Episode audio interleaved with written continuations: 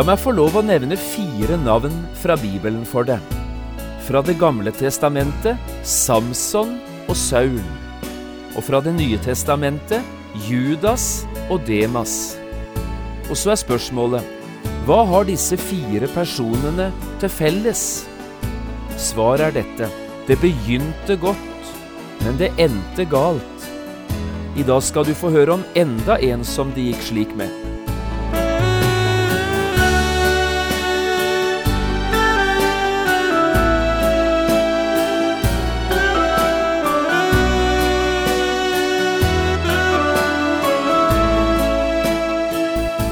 Hjertelig velkommen til et nytt program i serien Vindu mot livet. Programmet er produsert av Kristen Riksradio og blir ledet av Jon Hardang. Dette programmet er produsert med støtte fra Sambandet Forlag AS.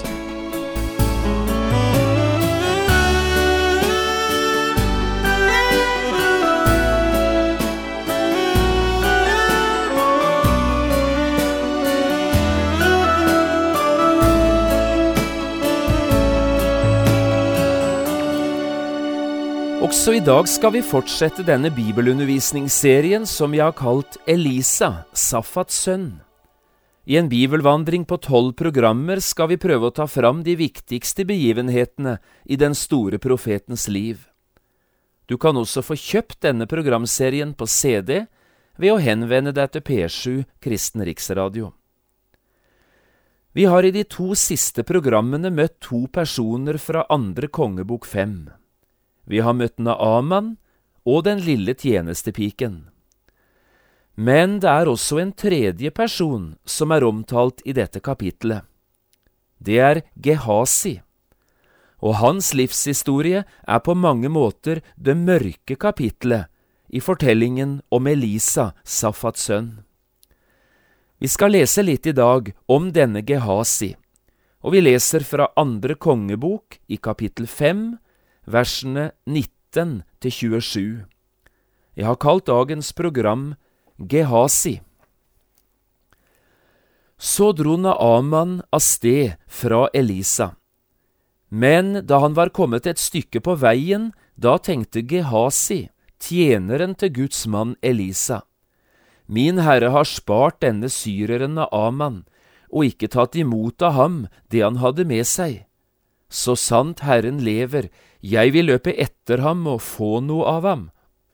Så skyndte Gehasi seg etter Naaman, og da Naaman så en som kom løpende etter ham, steg han fort ned av vognen for å møte ham, og sa, Står alt vel til? Gehasi sa, Ja, men min herre har sendt meg med disse ord. Nettopp nå er det kommet to unge menn til meg fra Efraimfjellene to av profetenes disipler, gi dem en talent sølv og to festkledninger. Naman svarte, Vær så snill å ta to talenter, og han bad ham inntrengende å knytte to talenter sølv inn i to punger. Så tok han to festkledninger og ga dem til to av sine tjenere, og de bar dem foran Gehasi. Men da han kom til haugen, tok han dette av deres hånd og gjemte det i huset. Han tok farvel med mennene, og de dro sin vei. Selv gikk han inn og sto fram for sin herre. Da spurte Elisa ham, Hvor kommer du fra, Gehasi? Han svarte, Din tjener har ikke vært noe sted. Men Elisa sa til ham, Var jeg ikke til stede i ånden da mannen vendte om fra vognen og gikk deg i møte?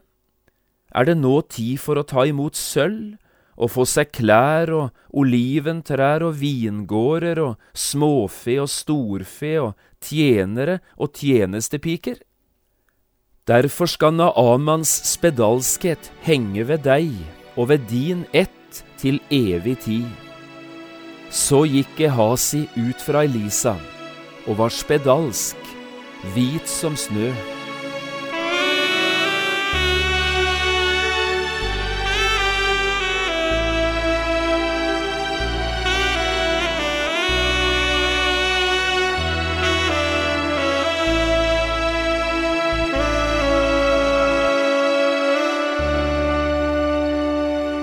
Den danske forkynneren og bibellæreren Hans Erik Nissen fortalte en gang følgende.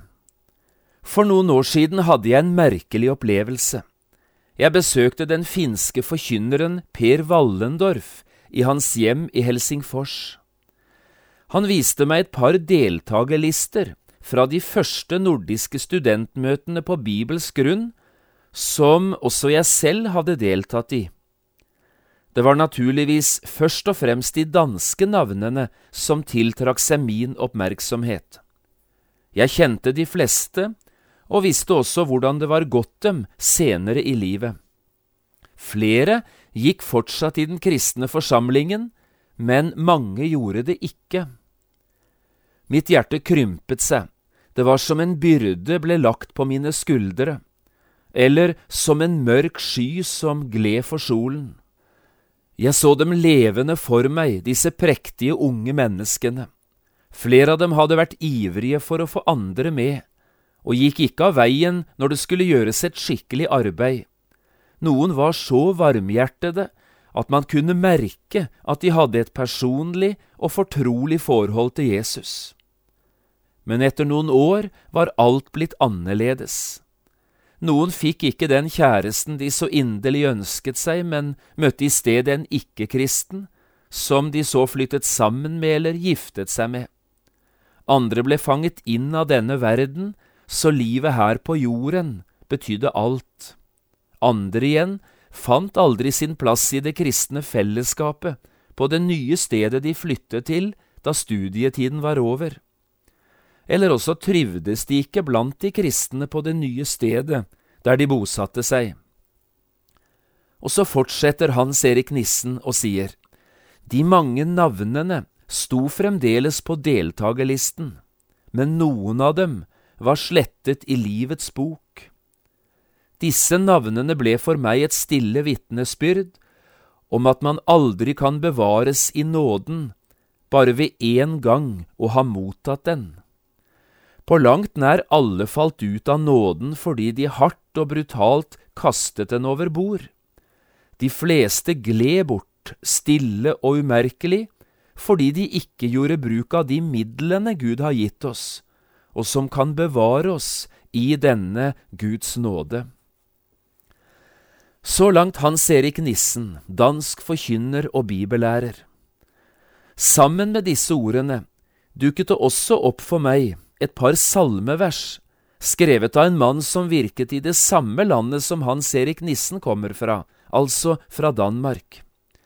Jeg tenker på de to første versene i Hans Adolf Brorsons salme fra 1735.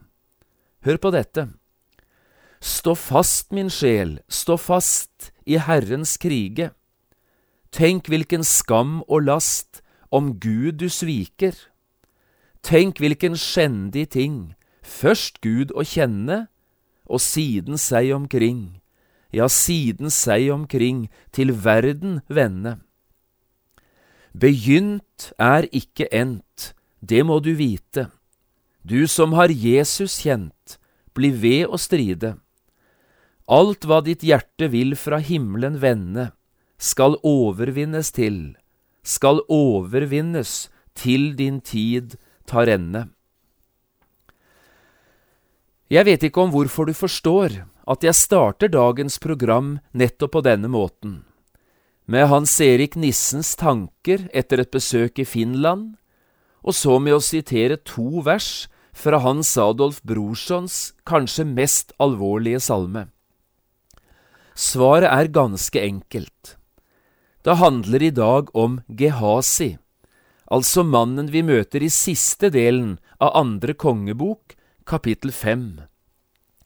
Gehasis livshistorie er på mange måter det mørke kapitlet i den fine beretningen om Elisa, Safats sønn.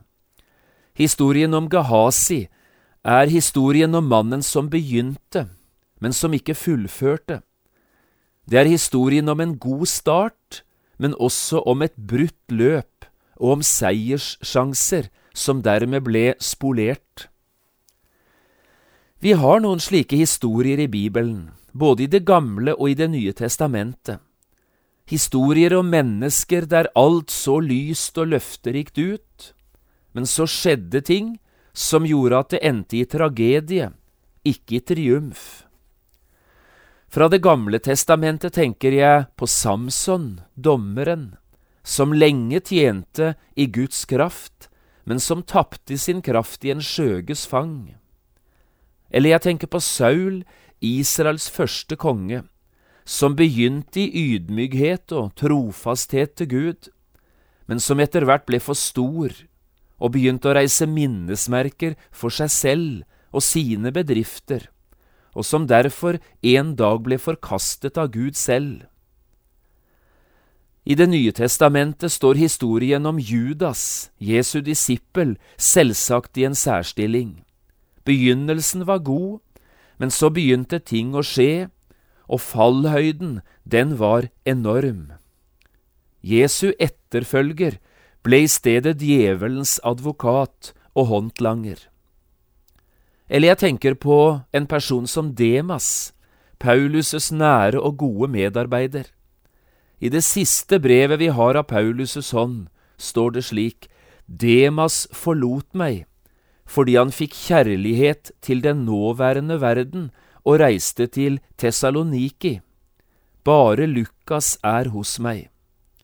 Hvordan det gikk med denne Demas, det er det ingen av oss som vet, men beskrivelsen vi har, den er både trist og tragisk. Gehazi, Elisa Safats sønns tjener, er også en av disse som aldri nådde fram. Det begynte så godt, men så endte det tragisk. I dag hadde jeg lyst til at vi skulle møte denne Gehazi og se litt etter om vi ikke kunne få et glimt av livshistorien hans. For på den måten kanskje også finne et svar på spørsmålet hvorfor gikk det egentlig så galt med han, som alt lå så godt til rette for? Jeg tror Gehasis livshistorie faller i tre deler. Først begynnelsen, der alt så både lyst og godt ut så nederlaget, der mørke skyer samlet seg på himmelen, og endelig tragedien, da Gehasi en dag ble spedalsk. Her har du livshistorien hans, begynnelsen, nederlaget og tragedien. Og la oss nå ta disse tre tingene fram, én for én, og det første først, begynnelsen. Det meste av det Bibelen har å fortelle om Gehazi, finner vi i andre kongebok fire og fem. Men noe må ha skjedd med Gehazi før vi kommer så langt som til kapittel fire. Gehazi må ha fått et kall, og mot dette kallet var Gehazi lydig. Antagelig var Gehazi for Elisa, det samme som Elisa selv en gang hadde vært for Elias, den nye generasjonen den nye profeten som skulle føre arven videre. Kan du huske dagen da Elisa sto ved elven Jordan, like etter han hadde slått på vannet med Elias' kappe? Du husker hva som skjedde da, ikke sant? Vannet i elven stanset, og Elisa gikk tørrskodd over. Men da dette skjedde, sto en gruppe på 50 profetdisipler ved elvebredden og så det som skjedde. Og som svar på det de så, kom de alle bort til Elisa og bøyde seg til jorden for ham. Gehazi kan ha vært en av de profetdisiplene, en av disse som gjennom det han så og hørte, forsto at nå har jeg med Gud å gjøre. Jeg ser for meg følgende situasjon. Elisa dro gjerne omkring, kortere eller lengre tid etter han hadde krysset Jordan, for å besøke disse profetskolene, i Jeriko, i Betel og i Gilgal. Her tok han seg god tid, prøvde å snakke med ungdommene, lytte til det de hadde å si, brukte sine øyne, for Elisa trengte nemlig selv en tjener som kunne være for han det han selv hadde vært for Elias. Og jeg tror Elisa ba om Guds ledelse i det spørsmålet, altså at Gud ville lede ham til å kaste kaldskapen omkring skuldrene på den rette mannen. og legge sin hånd på den personen Gud hadde utvalgt. Og så falt valget en dag på Gehazi. Elisa oppdaget sikkert at den unge mannen var rikt utrustet og godt skikket menneskelig sett, og at Herren, om han bare fikk utruste Gehazi med åndsgaver og åndskraft, kunne gjøre denne unge mannen til et mektig redskap i morgendagens Israel. Kapittel 1 i Gehazis livshistorie er på denne måten et lyst og framtidsrettet kapittel. Alt så ut til å ligge godt til rette for den unge tjeneren. Men så begynte ting å skje. Vi kjenner ikke detaljene, men får likevel en viss innsikt i det som skulle bli kapittel to i Gehasis livshistorie, kapittelet som har overskriften Nederlaget og som forteller om mørke skyer som dro seg sammen over Gehasis liv og tjeneste. Denne historien møter oss i kapittel fire. Her får vi høre om et tragisk dødsfall da en kvinne fra Sunem mistet sin eneste sønn. Og dette var den sønnen hun hadde fått som svar på bønn, som resultat av et løfte profeten Elisa hadde gitt henne ett år i forveien. Vi finner denne historien i kapittel fire fra vers åtte. Etter at vi først leser historien om hvordan gutten ble født, får vi så høre om det tragiske som skjedde da denne gutten ble syk og døde. Jeg skal med enkle ord prøve å gjenfortelle det som skjedde. Det har gått noen år nå siden gutten ble født, men en dag var han ute med sin far og fikk store hodesmerter. Gutten ble båret hjem til moren, men samme dag døde han. Moren fikk umiddelbart fatt i et esel og dro av sted for å oppsøke profeten Elisa. Vel framme faller hun ned for føttene hans, og i sorg, i bunnløs sorg, kommer det, det var ikke jeg som ba om å få en sønn, sier hun, likevel fikk jeg en. Men hvorfor skulle jeg få denne sønnen, når jeg nå likevel må miste han? og det er nå Gehazi kommer inn i bildet. Bind opp om deg, sier Elisa, og ta min stav i hånden og gå. Når du kommer fram, så legg staven på guttens ansikt. Dette gjør Gehazi, men ingenting skjer, og når Elisa så kommer, går Gehazi han i møte og sier, gutten våknet ikke. Til slutt forteller historien at Elisa selv går opp på rommet, der denne gutten ligger og lukker døren, og etter å ha ropt til Gud om hjelp, vekkes gutten igjen til live og blir gitt tilbake til sin mor. Dette er i korte trekk historien, og vi kunne spørre, hvorfor skjedde det ikke noe da Gehazi la staven over guttens ansikt, slik Elisa ba han om? Det er her vi aner at det ligger ting mellom linjene. Vi hører ikke ett ord om at Gehazi ba, verken før eller under eller etter besøket hos den døde gutten. Vi får derimot et slags inntrykk av at han nesten ikke forsto alvoret i situasjonen, at denne gutten virkelig var død. I stedet får vi en sterk følelse av travelhet og ukonsentrerthet. Nå skal vi ikke legge mer inn i denne historien enn dette. Summen av det hele er i alle fall at Gehazi opplever sitt livs og sin tjenestes store nederlag. Noen ytterligere forklaring får vi ikke, bare denne vage følelsen at det er noe som ikke er sånn som det skulle være. Og når vi så kommer til kapittel tre i Gehasis livshistorie, slår det som ligger under overflaten, ut i full blomst. Og det var dette kapitlet, tragedien, vi leste om i begynnelsen av dagens program. La oss nå til slutt i dag se om vi ikke kan få tak i hva det egentlig var som hadde skjedd med Gehazi. Jeg tror vi leser om fire forskjellige ting når det gjelder Gehazis vei nedover. 1. Det begynte med et begjær. Ikke før har Gehazi sett hvordan Elisa avslo å ta imot betaling fra syreren Aman, før denne tanken melder seg, jeg vil løpe etter han og få noe av ham. Og som tenkt, så gjort. Snart har Gehazi nådd igjen det syriske reisefølget. To. Det fortsetter med en løgn. Han er ganske freidig, Gehazi, når han så dikter opp sin historie. Nettopp nå er det kommet to unge menn fra Efraimfjellene, to av profetenes disipler. Gi dem en talent sølv og to festkledninger. Og Naaman gir Gehazi ikke bare det han ber om, men dobbelt så mye sølv som Gehazi hadde bedt om. Tre. Behovet for å skjule sin synd. Gehazi kommer nå tilbake til haugen like i nærheten av stedet der han bodde.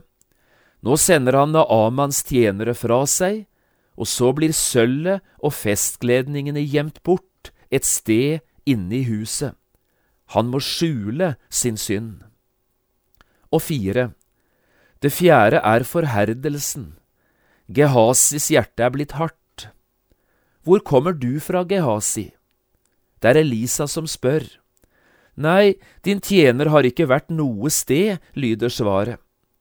Men Elisa, som står i Guds fortrolige råd, er klar over situasjonen. Og så faller dommen. Naamans spedalskhet skal henge ved deg og ved din ett til evig tid. Og da Elisa så gikk bort fra Elisa, var han spedalsk hvit som snø. Jeg vet ikke hva du tenker, men jeg synes dette er en rystende historie. Og jeg tenker videre og vil si to ting her i avslutningen. For det første, kanskje er du en av dem som begynte rett. Du var selv en kristen en gang og hadde med Gud å gjøre, men i dag er du langt borte. Hør nå, veien bort fra Gud er veien til den evige ulykke. Men fremdeles er det nådetid. Du kan få vende om. Det synes jeg du skulle gjøre i dag, vende om til Gud og bli frelst. Og for det andre, kanskje er du en av dem som vil leve som en kristen. Kanskje har du til og med trådt i Guds tjeneste med livet ditt. Men hvor står du hen i dag? I lyset eller i mørket? Er du ærlig innenfor Gud, eller er du blitt uærlig? Er det ting hos deg som ikke tåler lyset? Å, men jeg har lyst til å si, ta dette med deg til Jesus, og få det bort. Få det bort før det en dag blir for seint. Fremdeles vil Gud tilgi all synd. Fremdeles kan det store nederlaget bli til seier, også i ditt liv.